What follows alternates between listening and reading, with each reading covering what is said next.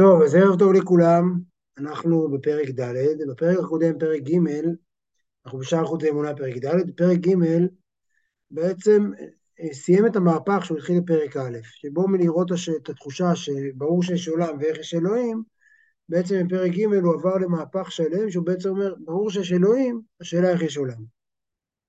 שזו בעצם נקודת מבט שהוא מציע לאמץ, כלומר הוא מתחיל את פרק א' באמירה לראות איך בעצם אותיות של הבריאה עדיין נמצאות בבריאה כל הזמן, שהאותיות של רקיע, לעולם השם דברך ניצב בשמיים, שהאותיות שמיים אלה שמכוננות, שהקדוש ברוך הוא ממשיך להגיד את זה כל הזמן בשביל לברוא את השמיים, ואחרי זה אה, הוא בעצם אה, מדבר על זה שההתייחסות אה, שלו להשגחה פרטית, שאומר, זה לא השאלה איפה יש אלוהים, יש אלוהים בכל העולם, העולם הוא אלוהים, ולכן אין כאן שאלה של איפה יש השגחה פרטית, אלא השגחה פרטית היא קיומנו. עצם זה שאני קיים, סימן שאני מושגח.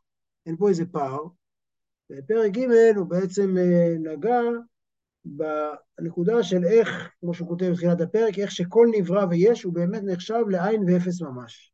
לגבי כוח הפועל ורוח פיו שבנפעל המהווה אותו מעין ליש. כלומר, שברגע שבן אדם מבין, תופס את זה שהוא בעצם, יש בו כוח שנברא, שבורא אותו כל הזמן, פתאום תחושת העצמיות שלו, האינדיבידואלית שלו, תחושת נפרדות שלו, התחושה שהוא קיים, בעצם מתרוקנת. והוא לאט לאט, הקיום שלו הולך ונהיה מטושטש ודהוי אל מול ה... בעצם הוא מרגיש לחלוטין חלק, מה... חלק מהמקום, חלק מההקשר כולו, חלק מההקשר של אלוהים, חלק מהקוסמוס האלוהי, חלק מדבר אלוהים, הוא מפסיק לאט לאט להתקיים. ואז הוא שואל בעצם איך יכול להיות שאנחנו מרגישים קיימים. יכול להיות שלמרות שאנחנו מרגישים קיימים, ואז הוא הביא בעצם את המשל מקרן השמש, שהוא אומר שקרן השמש מורגשת דווקא כשהשמש רחוקה, ועל השמש עצמה לא רואים, לא מרגישים את קרני השמש. ואם ככה, אנחנו, שאנחנו נמצאים פה, במרחב שבו אלוהים נמצא פה, הרי זה, זה, לא, זה לא שאלוהים שם ואנחנו פה עם קרניו, אלא, אלא אלוהים נמצא פה ואנחנו קרניים שלו, אז איך אנחנו מרגישים קיימים? זה כמו קרני השמש בשמש. זה בעצם השאלה שהוא מניח פה לפתחנו, והוא סיים את הפרק בסימן שאלה גדול, ואמרתי כבר בפרק הקודם, זה מאוד לא אופייני. כשהוא מסיים את זה, הוא אומר, ולמה אינם בטילים במציאות למקורם? ואז הוא, הפרק הקודם מסתיים במילים, אך להבין זה צריך להקדים, נקודתיים. בעצם הוא עכשיו מנסה לאט לאט להסביר איך יכול להיות, בפרק הזה מנסה להסביר איך יכול להיות שאנחנו מרגישים קיימים, איך יכול להיות שיש עולם. זה בעצם פרק ד', ואנחנו קופצים פנימה. אה, בבקשה. כי הנה כתיב, רגע, כי שמש ומגן השם אלוהים. כי שמש ומגן השם אלוהים, זה פסוק מתהילים. פירוש מגן, הוא נרתיק לשמש, להגן שיוכלו הבריות לסובלו. הוא ממשיך עם המטאפורה של השמש. פירוש מגן, מגן הוא נרתיק לשמש להגן שיוכלו הבריות לסובלו. כמאמר בותינו זיכרונם לברכה, לעתיד לבוא הקדוש ברוך הוא מוציא חמה מן רשעים נידונים בה וכולי. כלומר, הרעיון הזה הוא רעיון שממשיך את המשל, את המטאפורה של ההערה של השם, של הקיום של השם לשמש, ואת העולם שלנו למקום שבו קרני השמש נמצאות בו. הוא אומר לעתיד לבוא, מה שיקרה שהקדוש ברוך הוא, האופן שבו הקדוש ברוך הוא, העונש יבוא לעולם מאחרית הימים, לא שהקדוש ברוך הוא ינקום בנטור ויחפש את כל מי שחטא כנגדו, אלא כאשר הקדוש ברוך הוא, בעתיד לבוא הקדוש ברוך הוא יתגלה בצורה כזאת, שיש רשעים נידונים בה וצדיקים נידונים בה. רשעים נידונים בבית הזה שהם לא יכולים לעמוד בזה והם מתפרקים, כי אין להם קיום אלא הם. כלומר, מי שחווה את עצמו רק כנפרד, והקדוש ברוך הוא מתגלה בכל עוצמתו ממילא, אין לו שום משמעות. ברגע שהקדוש ברוך הוא מתגלה בכל עוצמתו והוא מרגיש לא קיים, זה מאבד לו את תמצית הקיום ואת תכלית הקיום. ולעומת זאת, מי שמרגיש שהוא חלק מזה, ובעצם מסוגל, הקיום של, באחדות השם הוא קיום שמאפשר לו אה, תחושה של קיום, היא לא תחושה של התרוקנות מקיום, שזו נקודה מאוד מאוד חשובה, שבעצם, שאנחנו מנסים להגיד שככל שהקדוש ברוך הוא נמצא יותר, זה לא מנמיך את קיומנו, אלא מגדיל את קיומנו. זו אחת השאלות החידות שאנחנו צריכים לפתור כאן. איך הנוכחות של אלוהים לא מוחצת אותנו. אחד הדברים הכי מורכבים בחיים דתיים זה שהרבה אנשים מרגישים שככל שאלוהים נוכח יותר, אני נוכח פחות. ומה שהוא מנסה לעשות, אחד הדברים שהוא מנסה לעשות כאן, הוא לא עוסק מאוד כאן בעניינים פסיכולוגיים אישיים, אבל עדיין אחת השאלות היא איך אפשר שהקדוש ברוך הוא יהיה נוכח מאוד וגם אני אהיה נוכח מאוד. והפתרון קשור לשאלה מה זה אני. ואיך אני תופס, אם אני תופס את עצמי רק בהיבט הנפרד, העצמאי, הלבד, הריבוני על חיי, ממילא, אז באמת הנוכחות של אלוהים מוחצת אותי. אבל אם דווקא אני מבין שכאשר אלוהים נוכח ומתגלה, ואז הקיום שלי הוא בעצם, אני, אני תופס את עצמי כחלק מעולם, חלק מעולם מקוסמוס אלוהים, ממילא אלוהים ואני לא מהווים סתירה אחד לשני. נגענו בזה קצת בתניא, אה, בעיקר באזור פרק ל"ב, שברגע שאדם תופס את עצמו כחלק מקיום, מקוסמוס אלוהי, כמו שאמרתי עכשיו, ממילא היחס שלו לאנשים אחרים הוא שונה לגמרי, כי ממילא הוא לא תופס, הוא תופס את עצמו כמו שהוא תופס אותם מהרבה בחינות. כל פנים, כאשר הקדוש ברוך הוא לעתיד לבוא יתגלה עם השמש, יתגלה כמו השמש, אז מי, אנשים מסוימים זה ישרוף אותם ויגמור אותם, אנשים מסוימים זה דווקא יעצים אותם. וכמו שהנרתיק מגן מעד השמש, כך שם אלוהים מגן לשם הוויה ברוך הוא. כלומר, יש פה בעצם הפסוק הזה, שמש הוא מגן, מקביל למילים השם ואלוהים. שמש זה שם השם, שם י' ה' ו' ומגן זה בעצם שם אלוהים. וכמו שהנרתיק מגן בעד השמש, כך שם אלוהים מגן לשם הוויה ברוך הוא. כלומר, בעצם שם אלוהים הוא המכסה. עכשיו, הנקודה שאנחנו נראה בפרק הזה, שלבוש לדבר, יש לו גם איכות של הסתרה, ולכן כמו נרתיק, שאפשר באמצעותו להתעלם ולהסתיר דברים, אבל יש לו גם איכות של נוכחות, של התגלות. כמו שאנחנו, הבגדים שלנו מצד אחד מסתירים אותנו, מסתירים את הגוף שלנו, את החלקים שאנחנו מעוניינים להסתיר, ומצד שני הם מגלים אותנו. הם מאפשרים לנו גם להסתובב בציבור, אבל גם מספרים עלינו איזשהו סיפור, על האופי שלנו, על העולם שלנו, על השייכות שלנו, על כל מיני דברים כאלה. אז בעצם שם אלוהים מגן לשם הוויה ברוך הוא. כלומר, יש פה שתי שמות, וכאן אנחנו נכנסים בעצם לאחד הפתרונות הכי בסיסיים בעולם הקבלה, שבעצם מדברים פה על דואליות. עכשיו, דואליות הזאת היא מאוד מאוד מסוכנת, ולכן הרבה מאוד מאוד uh, טענו, כמו שאמרו שאול ליבוביץ', שאומר שתורת הקבלה היא עבודה זרה בשיתוף. שבעצם הדואליות הזאת היא דבר שאנחנו, שאנחנו נצטרך כל הזמן להתנצל עליו. מצד אחד, ומצד שני הוא מה שמאפשר לנו לספר סיפור שיש בו גם גודל אינסופי של אלוהים, או נקרא לזה ככה, גם התייחסות לקדוש ברוך הוא הפילוסופי, שאי אפשר לתאר אותו ואי אפשר להסביר אותו, והוא מסנוור ומוחץ בעוצמה שלו, ובעצם הקדוש ברוך הוא של פרק ג', שאם הוא נוכח, אי אפשר לאדם להיות נוכח בכלל, ואי אפשר לדמיין קיום. ומצד שני, לספר סיפור של אינטימיות וקרבה והבנה ויכולת התקשרות ונפרדות. והדבר הזה הוא הסיפור הגדול של החסידות והקבלה, שמנסים להציע את כל הסיפורים האלה תחת הכובע של אחדות השם. ולכן הפרק הזה כולו, אני מזכיר לכם כל התניא, אומר שהוא נועד להסביר את הפסוק של שמע ישראל, השם אלוקינו, השם אחד.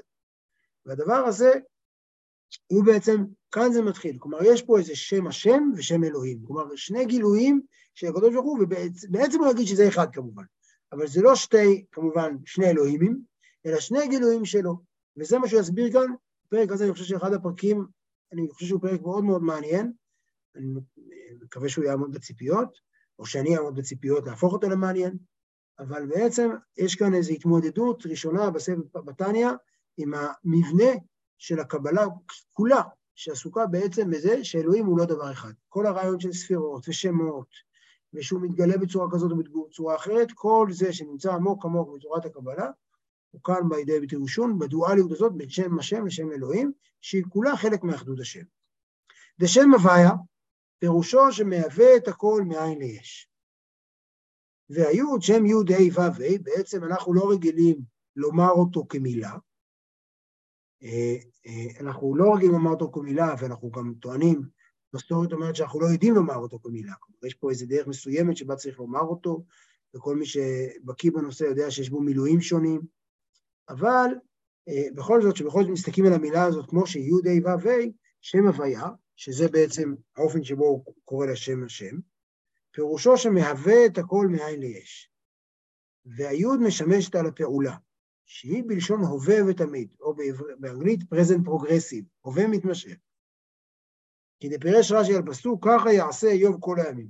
למרות שהאותיות איתן, א', י', ת', נ', כאשר מצמידים אותם לפועל, אעשה, הם יעשו וכן הלאה, בדרך כלל זה מסמן עתיד, בתנ"ך, כאשר כתוב יעשה, איוב, זה אה, משהו שהוא בעצם עושה תמיד. כלומר, זה משהו שבעצם ככה יעשה איוב, אין הכוונה שככה הוא יעשה מחר, אלא ככה הוא עושה באופן תמידי.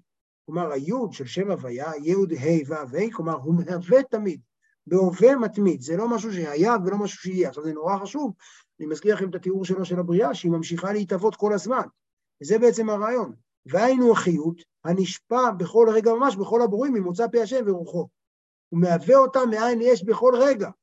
כי לא די להם במה שנבראו בששת ימי בראשית להיות קיימים בזה. כמו שנדבר אליהם. כלומר, הבריאה איננה מעשה, איננו מעשה היסטורי, שפעם קרה לי, פעם בראו אותי. איננו מעשה היסטורי שפעם הקדוש ברוך הוא ברא את העולם, אלא מעשה י' ה' ו' ה' מתאר מצב שהקדוש ברוך הוא כל הזמן בורא ובורא ובורא. אגב, הקדוש ברוך הוא, השם הוויה, מתאר התרחבות מתמדת. הוא כל הזמן, הרי נולדו היום כך וכך ילדים, קרו היום כך וכך מעשים, יוצרו היום כך וכך דברים, גדלו היום כך וכך עצים, השם הוויה כל הזמן מתרחב, וזו התרחבות אינסופית. זה שם הוויה, שם י' ה' ו' ה', מתאר את הקדוש ברוך הוא באיזה, באיזה תפיחה מתמדת, לא יודע אם זו מטאפורה ראויה, אבל באיזה אה, תפיחה מתמדת, באיזה גדילה מתמדת שהולכת ומתרבה כל הזמן. שם הוויה הוא, עכשיו בפרק הזה, הוא מתאר את זה כפעולה כמעט לא רצונית, תכף נראה את זה. שהיא כל הזמן, הוא מתפשט, הקדוש ברוך הוא מתפשט, כמו שהיקום מתפשט. היהווה הזה, זה ככה יעשה היום, ככה אלוהים האינסופי כל הזמן הולך ומתפתח, והולך ובורא ובורא ובורא ובורא, אה, כמו שכתוב בלשון הווה ותמיד. והנה בסידור שבחיו של הקדוש ברוך הוא כתיב, הגדול הגיבור, וכולי. שזה בעצם שני הכוחות הגדולים שתכף נפגוש אותם. שהגדול יקביל לשם הוויה, לשם י' ה' ו' ה', והגיבור ממילא יקביל לשם אלוהים, למגן שדיברנו עליו קודם. ופירוש הגדול היא מידת חסד והתפשטות אחריות בכל העולמות ובריאים לאין קץ ותכלית. כן? אין לזה סוף, הוא כל הזמן בורא ובורא ובורא. זה חסד, הוא נותן ונותן, והקדוש ברוך הוא שופע. להיות, כלומר, יש כאן משהו שאלוהים, השם, ההתגלות של, שום, של הקדוש ברוך הוא בשם י' ה' ו' ה', מבטא התפשטות מתמדת, כל הזמן הוא בורא, הוא כל הזמן נמצא בכל דבר. אגב, שוב, גם כאן אין הבדל בין קטן וגדול, אין הבדל בין טוב ורע, אין הבדל, הוא בורא את כולם כל הזמן, הכל הוא דבר השם שהולך ומתפשט. להיות ברואים מאין ליש וקיימים בחסד חינם, כן, הם לא צריכים להצדיק את עצמם.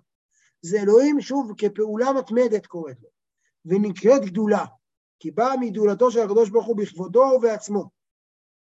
כי גדול השם ולגדולתו אין חקר. זו גדולה שאין לה סוף, אין לה גבול, וגם אי אפשר לתפוס אותה. ולכן, כלומר, לתפוס אותה בשכל, שאנחנו לא יכולים להבין את זה, שבעצם כל דבר שאנחנו רואים הוא בעצם, הוא קרניים של השם, שהם לא יכולים להתקיים לרגע בלעדיו. אנחנו עד הפרקים עכשיו דיברנו על זה מהצד שלנו, שהשמיים האלה לא קיימים בלעדיו, אני לא קיים בלעדיו, החפצים, האבן לא קיימת בלי אותיות א', ב', נ' שקיימות בתוכה. כאן אנחנו מדברים איך זה ממנו. כלומר, הוא כל הזמן בא מגדולתו של הקדוש ברוך הוא בכבודו ובעצמו, כי גדול השם, ולגדולתו אין חקר, הוא בהתפשטות מתמדת ואין לה סוף.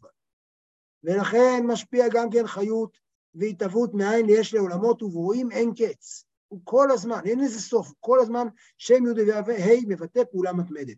שטבע הטוב להיטיב, זה משפט מהפילוסופים של ימי הביניים, שכלומר במובן הזה שזה הטבע שלו, וזה אמרתי, זה סוג של השום שם יהודי ו' ה', שהקדוש ברוך הוא מבטא סוג של פעולה שככה זה, הוא נותן ונותן ונותן ומחייב ומחייב ומחייב עד אין סוף.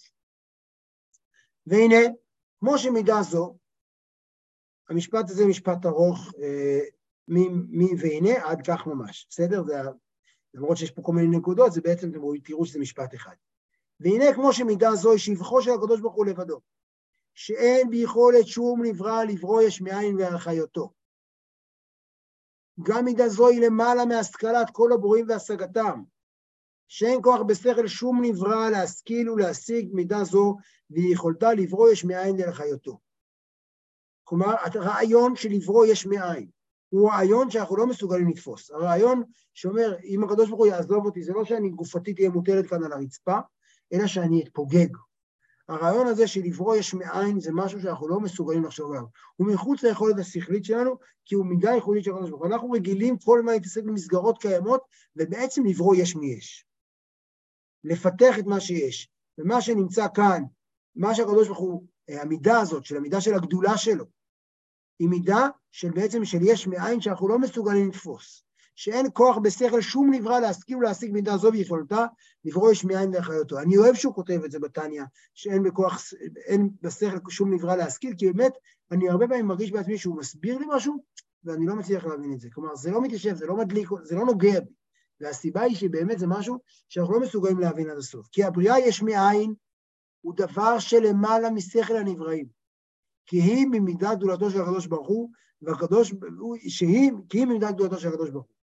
והקדוש ברוך הוא ומידותיו אחדות פשוט, כדאית בזוהר הקדוש, דאי הוא וגרמו אחד, הוא והדברים שנגרמים ממנו אחד הם, וכשם שאין ביכולת שום שכל נברא להשיג בוראו, כך אינו יכול להשיג מידותיו. הוא קודם כל אומר כאן את הרעיון הבסיסי, שאנחנו לא מסוגלים לתפוס את הרעיון של בריאה שמיריים. אבל זה המידה של הקדוש ברוך הוא. וזה מידה שלו בעצמו, כלומר, זה מידה של שם הוויה, אבל יש לו אחדות פשוט איתה.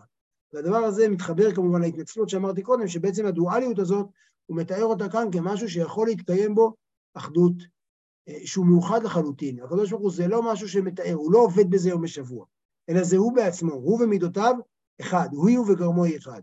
ולכן, בגלל שאנחנו לא מסוגלים להצ... לה... לה... לתפוס אותו, אין לנו יכולת להבין את אלוהים. מחוץ ליכולת ההשגה שלנו במהות, כך אנחנו לא יכולים להשיג את הבריאה. הרעיון של בריאה, שהוא הרעיון המכונן שלנו, הוא מה שמקיים אותנו כרגע, והוא אולי הבסיס לכל האמונה, והוא מה שמאפשר היה לנו להרגיש קרבה לאלוהים, כי הוא בורא אותנו בכל רגע, הוא רעיון במהות שאנחנו לא מסוגלים לתפוס אותו, רעיון שבאופן מהותי אנחנו מנוכרים אליו. זו, זה סוג של טרגדיה, כי את הדבר הכי בסיסי שיכול ליצור את הקשר הכי בסיסי אל אלוהים, ממילא תמיד אנחנו יש איזו תקרה שאנחנו מנגשים, אנחנו יכולים לחשוב על זה, אנחנו יכולים להתאמן על זה, וזהו מה שהוא יקרא לנו, לעבוד בעבודה מלאכותית בשביל לנסות לתפוס משהו. כתוב בהרבה מקומות שאולי אי אפשר להשיג בשכל, אבל אונקא דליבא תפיסא בי, שאפשר מעומק הלב להרגיש את זה ולא להבין את זה, יכול להיות, אבל עדיין כאן הוא אומר, אי אפשר להשיג את הרעיון הזה של הגדולה אין חקר, של הזה של הקדוש ברוך הוא, בעצם מהווה אותנו כל הזמן מאין ליש ב present progressive, בהווה מתמשך. וכמו שאין ביכולת שום שכל נברא להשיג מידת גדולתו, שיכולת לברוא יש מאין ולהחיותו, כדכתיב עולם חסד ייבנה, שזה בעצם הסיפור של העולם, שהקדוש ברוך הוא, העולם נבנה בעזרת החסד שלו, כל הזמן הולך ומתרחב. אז אמרתי, זה משפט ארוך שהתחיל פה. והנה, כמו שמידה הזאת, היא שבחו של הקדוש ברוך הוא לבדו, אה, ואי אפשר לתפוס אותה, כך ממש, אין ביכולתו להשיג מידת גבורתו של הקדוש ברוך הוא. שמידת הצמצום מניעת התפשטות החיות מגדולתו, מלרד ולהתגלות על הנבראים ולאחריותם ולקמם בגילוי.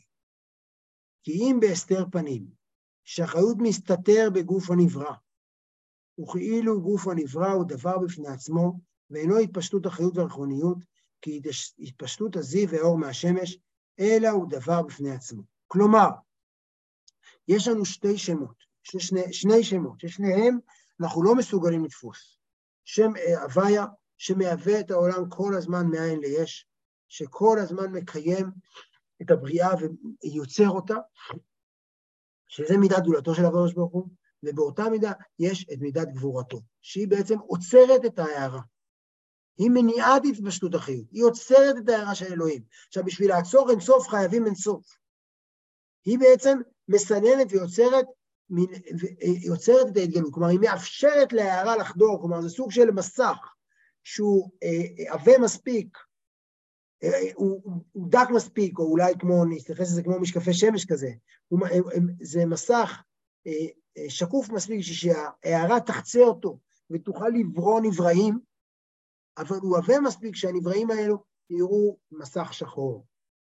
כלומר, אנחנו מצויים מפני איזה מסך שמצד אחד השמש עוברת דרכנו, עוברת, חוצה אלינו, מצד השני אנחנו מסתכלים ואנחנו רואים מסך שחור. והמסך השחור הזה, הגבורות האלה, זה גם כן התגלות של אלוהים, זה התגלות של שם אלוהים. נקרא את זה ככה, ככה ממש, מתחילת הפסקה, וכמו שאין ביכולת שום שכל נברא להשיג מידת גדולתו, שיכולת לברוא יש מאין לחיותו, כי דכתיב עולם חסד ייבנה, כך ממש אין ביכולתו להשיג מידת גבורתו של הקדוש ברוך הוא, שהיא מידת הצמצום ומניעת התפשטות החיות מגדולתו. מה זאת אומרת מניעת התפשטות החיות? לא, לא מניעה, כי אם היה מניעה של החיות, אז היינו, מת... היינו נעלמים, לא הייתה בריאה. אלא מניעת התפשטות החיות מגדולתו מלרד ולהתגלות על הנבראים ולהחיותם ולקיימם בגילוי. כי אם בהסתר פנים, שהחיות מסתתר בגוף הנברא, וכאילו גוף הנברא הוא דבר בפני עצמו, ואינו התפשטות החיות והרכוניות כי התפשטות הזיו והאור מהשמש, אלא הוא דבר בפני עצמו. אנחנו מרגישים עצמאים. זה הסיבה, ככה עונה לשאלה בסוף הפרק הקודם, שהקדוש ברוך הוא בעצמו מסתיר את הקדוש ברוך הוא בעצמו. ותכף נראה שזו התגלות. זה לא סתם מחסום, הוא לא סתם נעשה לעצמו מחסום, זה לא רק משהו שעוצר, אלא יש בזה מימד שהוא התגלות שלעצמה. שם אלוהים הוא גם שם, הוא מאפשר את הקיום, ולכן הוא השם, בפרק הבא הוא יגיד ששם אלוהים הוא הטבע. כלומר, זה, זה הוא יגיד בעצם בפרק הבא הבא, סליחה. אבל הרעיון כאן זה שנוצר המסך הזה, הקדוש ברוך הוא בעצמו יצר את המסך הזה, למה הוא יצר את המסך הזה? הוא כאן לא, לא עונה. אבל אנחנו כן רואים שהדבר הזה מאפשר לגוף הנברא להרגיש דבר בפני עצמו, להרגיש עצמאי, ולכן הדבר הזה הוא רגש קיומי כל כך אצלנו כמציאות, כי כמו שהמציאות שלנו קיימת בדבר אלוהים, ככה אותה מציאות נפרדת שאנחנו לא מרגישים דבר אלוהים, זה ממנו לגמרי. ואף שבאמת אינו דבר בפני עצמו, אלא כמו התפשטות האור מהשמש, כן, אנחנו קיימים כמו התפשטות האור מהשמש. ברגע שלא היה שמש, אין קרני שמש, הם נעלמים. לא יכול להיות שקרני השמש תהיינה כאשר השמש אה, אה, אה, תשקע. ככה אנחנו לא נהיה קיימים ברגע שקדוש ברוך הוא נמצא, ובכל זאת אנחנו מרגישים מלאי קיום עצמאי, מרגישים קיימים לחלוטין, אנחנו לחלוטין, אה, אה, אה, יש לנו תחושה של קיום. מכל מקום הן הן גבורותיו של הקדוש ברוך הוא, אשר כל יכול לצמצם החיות והרוחניות, הנשפע, מרוח, הנשפע מרוח פיו ולהסתירו, שלא יבטל גוף הנברא במציאות. כלומר, הקדוש ברוך הוא בעצמו, בכוח אדיר שרק הוא יכול, זה כוח חוסם. כוח חוסם שמאפשר, בשביל שנוכל להרגיש אה, קיום, נוכל להרגיש נפרדים, נוכל להרגיש משהו בנפרד, ולכן ההרגשה הנפרדת היא קדושה לא פחות, היא ביטוי לא פחות להתגלות של אלוהים. וזה אין בשכל שום נברא להשיג מהות הצמצום וההסתר. ושיהיה אף על פי כן גוף הנברא נברא מאין ליש, כמו שאין ביכולת שום שכל נברא, בשכל שום נברא להשיג מהות הבריאה מאין ליש. כלומר, הוא אומר, ההסתר, וזה דבר שיש לו משמעויות מרחיקות לכת. גם על המשמעויות קיומיות, לא רק פילוסופיות. להגיד שההסתר הוא התגלות בדיוק כמו הצמצום. אה, אה, אה, הדבר הזה הוא באמת, אני זוכר שהייתי לפני כמה שנים בברית מילה של זוג שהמון המון המון שנים לא זכו לבן, ואחרי איזה עשר או שתים עשר שנים הייתי בברית מילה של בנם הבכור שנולד בחסד גדול, ואני זוכר מאוד חזק שאבי הבן, שהיה חבר טוב שלי אז, דיבר ואמר שבעצם במניעה, הוא הרגיש כל השנים, וזה היה ממש משהו חזק מאוד שהוא אמר, וזה בעצם מה שנמצא כאן, במניעה הזאת, בעשר שנים האלה, הוא, בגלל שזה היה נגד הטבע, הוא אומר, הטבע הוא שזוג מתחתן, והרבה פעמים, מתי שהוא רוצה, נולד לו ילד. הוא אומר, בגלל שזה היה הפך הטבע כאן, בגלל שזה לא היה מובן מאליו כאן, אז בעצם הוא אומר, כל פעם שלא נולד לנו בן, הרגשתי אותך יותר, את אלוהים. כלומר, בדרך כלל מרגישים את אלוהים בחסדים, פה הוא סיפר, זה היה מאוד חזק. כשדיבר דווקא בהיעלם, אתה מרגיש את, הנוכח, את, את, את, את הקיום שלו. וזה מה שיש גם כאן, ששם אלוהים, בעצם ההסתר שמאפשר לנו להתקיים ולהרגיש אדם עצמאי, ריבוני, נפרד, עם, עם, עם איזו תחושה של אינדיבידואל, שזה דבר שהוא נגד, אנחנו לא אינדיבידואל, אנחנו אינדיבידואל הרי פירוש הדבר שזה היצור, של, היצור הנפרד שלא מתחלק. הדבר הזה הוא לא קיים, אנחנו לא אינדיבידואל. היהדות, הפסוק, הפרקים שאנחנו יודעים כאן כופרים ברעיון הזה. אבל הדרך, מי שברא את האינדיבידואל ויצר את התחושה של האינדיבידואל זה התגלות, אה, אה, אה, התגלות של אלוהים, מוכוונת לדבר הזה בדיוק. להסתיר, הוא יצר כאן מסך להסתיר. והדבר, כלומר, ממילא כל ההסתר, כל הרעיון שיש הסתר, ואפילו כמו שאומר הבעל שם טוב, ואחרי זה הפכו את זה לשירים, ורבי נחמן, שההסתר שבתוך ההסתר, כלומר לא רק הסתר, אלא אתם יודעים, יש לשחק מחבואים, אבל יש לשחק מחבואים ששוכחים שאתה מתחבא. וזה פחות או יותר מה שקורה לאלוהים, גם זה התגלות של אלוהים. אלוהים בוחר לברוא, לברוא את עצמו, להתגל... האינסוף בעצמו. נדרש פה כוחות כאלה בשביל להסתיר את זה שהוא אותו, וממילא להשכיח את זה שהוא אפילו מסתתר. תחשבו שקבוצת ילדים משחקת מחבואים ואחד הילדים נשכח. זה פחות או יותר הסיפור של אלוהים, מס... מ... מ... זה האופן מתגלה, וזה בדיוק הרעיון שיש כאן. נקרא את זה שוב בפסקה כי זו פסקה מאוד מאוד, אה, בעיניי מאוד מאוד חזקה, שבעצם אנחנו גם לא צריכים להאשים את עצמנו, הוא מוריד כאן את כל האלמנט של האשמה. אם בפרקים הראשונים אמרתי, איך אני לא מרגיש את אלוהים, הוא כך נמצא פה, איך אני קיים, איך אני לא מתבטל, פרק הזה אומר, זה התחושה שלך כקיים היא-היא התגלות. התחושה של ההסתר היא-היא התגלות. ואף שבאמת אינו דבר בפני עצמו, אלא כמו התפשטות האור מהשמש, כלומר, כל נברא. מכל מקום הן הן גבורותיו של הקדוש ברוך הוא, שכל יכול לצמצם החיות והרוחניות הנשפע מרוח פיו ולהסתירו, שלא יבטל גוף הנברא במציאות, שלא יתבטל. וזה, אין בשכל שום נברא להשיג מהות הצמצום וההסתר, ושיהיה אף על פי כן גוף הנברא נברא מאין ליש. כלומר, איך אפשר להבין שלמרות שאני קיים ואני ברגע זה נברא על ידי הקדוש ברוך הוא מאין ליש, עדיין אני מרגיש נפרד, אני עדיין מרגיש יצור. כמו שאין יכולת בשכל שום נברא להשיג מהות הבריאה מאין ליש. אני לא יכול, כמו שאני לא יכול להשיג את, ה, את, ה, את הבריאה, את שם הוויה, אני לא יכול להשיג את שם אלוהים. אני לא יכול להבין איך הדבר הזה קורה. וקודם כל, עובדה, כל הפרק הזה אומר אי אפשר להבין, אי אפשר להבין, וקצת נותן לנו מלוכה. אי אפשר להבין כלום, אז הכל בסדר. אבל בכל זאת, הוא מספר לנו את זה בשביל שנתאמץ כן להבין, ואז להבין שמהות ההסתר היא חלק מקיומו. עכשיו יש פה סוגריים מאוד, אה, גם את שם הפרק, שאני הרבה פעמים טועה איך אני סתם נותן אותו, ולפעמים אולי אני לא עושה דבר מכוון, סוגריים, זה נמצא כאן, יש כאן איזה ביטויים מאוד יפים. והנה בחינת הצמצום והסתר החיות נקרא בשם כלים, והחיות עצמו נקרא בשם אור.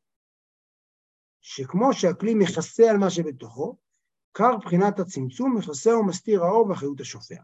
כלומר, הוא אומר ששם הוויה הוא האור. הוא, הוא האור בעצמו, המתפרץ ואין לו גבול, כמו שאמרנו. ממילא אין לו אה, יכולת קיום, אין לו יכולת אה, נוכחות. דווקא מה שנותן את הנוכחות שלו בעולם, זה הכלים. והכלים הללו זה הצמצום. הצמצום נותן את הכלים לאור, הוא לא מטרתו להעלים, כמו שאמרתי, הצמצום, כמה שבעצם הצמצום במובן הזה, שהוא אחד המושגים הכי משמעותיים בקבלה ובחסידות, מהארי ואילך, הצמצום בעצם שכאן מבטא על כך שלא רואים את המקור, שלא מרגישים את אלוהים, מבטא גם כדרך שבה אפשר דווקא לראות את אלוהים. כי זה הכלים, כי האור בלי זה, זה, זה הכלי שבאמצעותו אפשר להביא את דבר אלוהים ולתת לו לנכוח. והצמצום כאן מכיל בעצם גם את, גם את היכולת להעלים וגם את היכולת להתגלות. ולכן, כמו שאמרנו, זה בעצם התגלות, הצמצום הוא התגלות של שם אלוהים, הוא הדרך של שם הוויה להתגלות בעולם. שכמו שהכלי מכסה על מה שבתוכו, כבר מבחינת הצמצום מכסה ומסתיר האור והחיות השופע. והכלים איננה אותיות. עכשיו, זה ממש מעניין, כי בפרק הראשון דיברנו על זה שהאותיות הם דבר השם שמחיה את העולם כל הזמן. דיברנו על אותיות א', ב', נ', אבן, ודיברנו על אותיות יהי רקיע, ר', ק', י', ע', אותיות בלשון הקודש, ודיברנו על כל זה. ופתאום כאן, הוא אומר, רגע, הכלים, האותיות שאנחנו מכירים, הם בעצם רק כלים. הם בעצם, וממילא, מה שהדימוי שהוא נותן כאן, זה שההתגלות של הקדוש ברוך הוא אין לה צורה.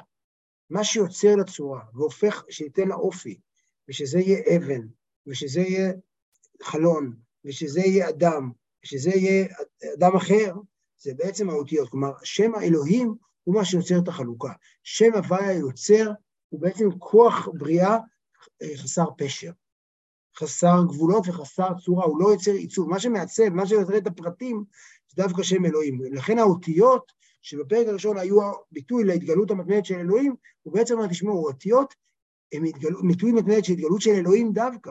כי ההתגלות של הוויה אין בה אותיות.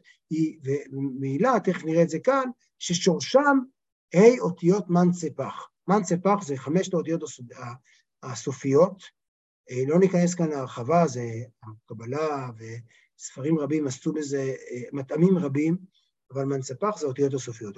האותיות הסופיות הן בעצם לא קולות חדשים, הן לא אותיות חדשות, למרות שיש ממש בחסידות הקבלה מתייחסים אליהן כאותיות נפרדות.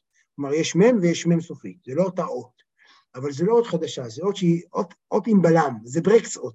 כלומר, אם מ' רגילה זה אות עם אה, גז, אז זה אות עם ברקס. זה אות שבולמת וסוגרת, אותיות מנצפח.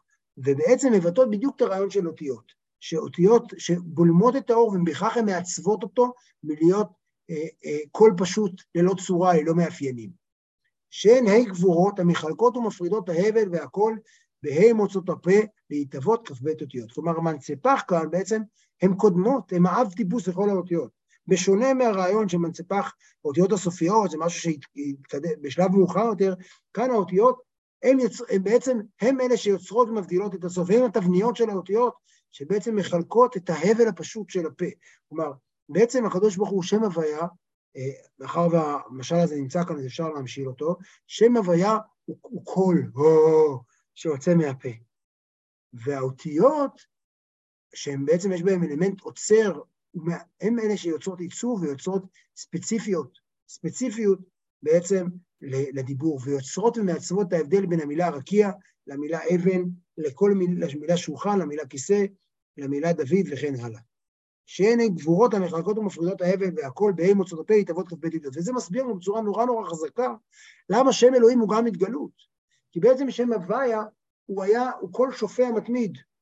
ושם אלוהים הוא מה שמעצב ויוצר בעצם, הוא בעצם מה שמחייר מהם צורה, ויוצר מהם להם אופי, ולכן זה שם אלוהים. וממילא הצורה והאופי והדבר הזה מתקיים מזה שלרגע אנחנו עוצרים ובולמים את שם, שם הוויה להתגלות לחלוטין. ואם ניתן לשם הוויה להתגלות לחלוטין, לא יהיה צורות, והכל יהיה אור אחד גדול, וממילא כבר לא יהיה את הייחודיות הגדולה של כל בריאה בריאה, וזה מה שבעצם שם אלוהים יוצר. וזה מה שקרה למעשה בעשרה מאמרות. כלומר, בעשרה מאמרות, בספר בראשית, בפרק א', ששם הכל זה שם אלוהים דווקא. זה שם אלוהים דווקא, ובעצם יש את קולו של אלוהים. קולו של אלוהים היה מאז ומעולם. מה שקורה בנקודת הזמן ההיא, שמתחיל להיברא גם הזמן, זה שמתחיל להתעצר כל מיני אה, קצורות בתוך הקול הזה. ואז נוצרים שמיים, ונוצרים ארץ, ונוצר אור, ונוצר חושך, ונוצר עצים, ונוצרות יום ולילה, ונוצרים כל הבריות. ושורש ההי גבורות הוא בוצינה דקרדוניתא, שזה ביטוי מאוד מאוד מאוד יפה מהזוהר, בוצינה, כלומר נר החושך, שבשונה מהתפיסה שהחושך הוא היעדר אור, כאן בפרק הזה הוא אומר החושך איננו היעדר אור, אלא החושך הוא קיום, הוא התגלות של אלוהים גם כן. הוא התגלות של אלוהים שמונעת אור בשביל ליצור צורה, בשביל ליצור תחושת נפרדות. בוצינה דקרדוניתא, נר החושך. אני זוכר שאת השיעור של הרב שטיינץ על הפרק הזה, ממש את התיאור שלו, הוא מאוד מאוד התרגש מהביטוי הזה של נר החושך, וזה תיאור שגם נותן כל הרע, כל ההתמודדות, אחד הדברים שכל התיאוריות, גם הדתיות והפילוסופיות, כולם התמודדו בשאלת הרע.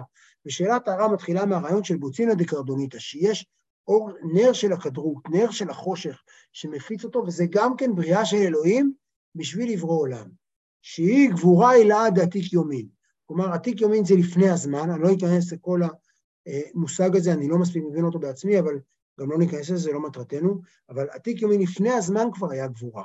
לפני הזמן כבר היה חיתוך של ההתגלות של אלוהים, שזה בעצם נר החושך. ושורש החסדים הוא גם כן חסד לעתיק יומין, כידוע ליודעיכם. כלומר, לפני הזמן היה שני הכוחות האלה, של החסד, של הגדולה ושל הגבורה, של הנר של האור ושל הנר של החושך.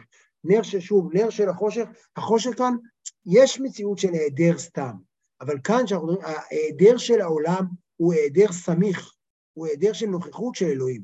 אלוהים, בשביל ליצור את ההיעדר של העולם, אנחנו עושים, אלוהים מתאמץ מאוד, המאמץ הזה הוא נר החושך. זה לא סתם היעדר, זה לא התרוקנות של עולם האלוהים, אלא כל פעם שאנחנו מרגישים שאלוהים לא קיים, זה משהו מאוד מאוד, זה מישהו היה צריך להדליק את נר החושך וליצור את זה. כי כאמור, בסוף הפרק קודם סיימנו תחושה, חייב להיות שיש רק אלוהים. איך יכול להיות שאנחנו מרגישים שיש, שיש רק הקדוש ברוך הוא? איך אנחנו מרגישים לרגע נפרדות?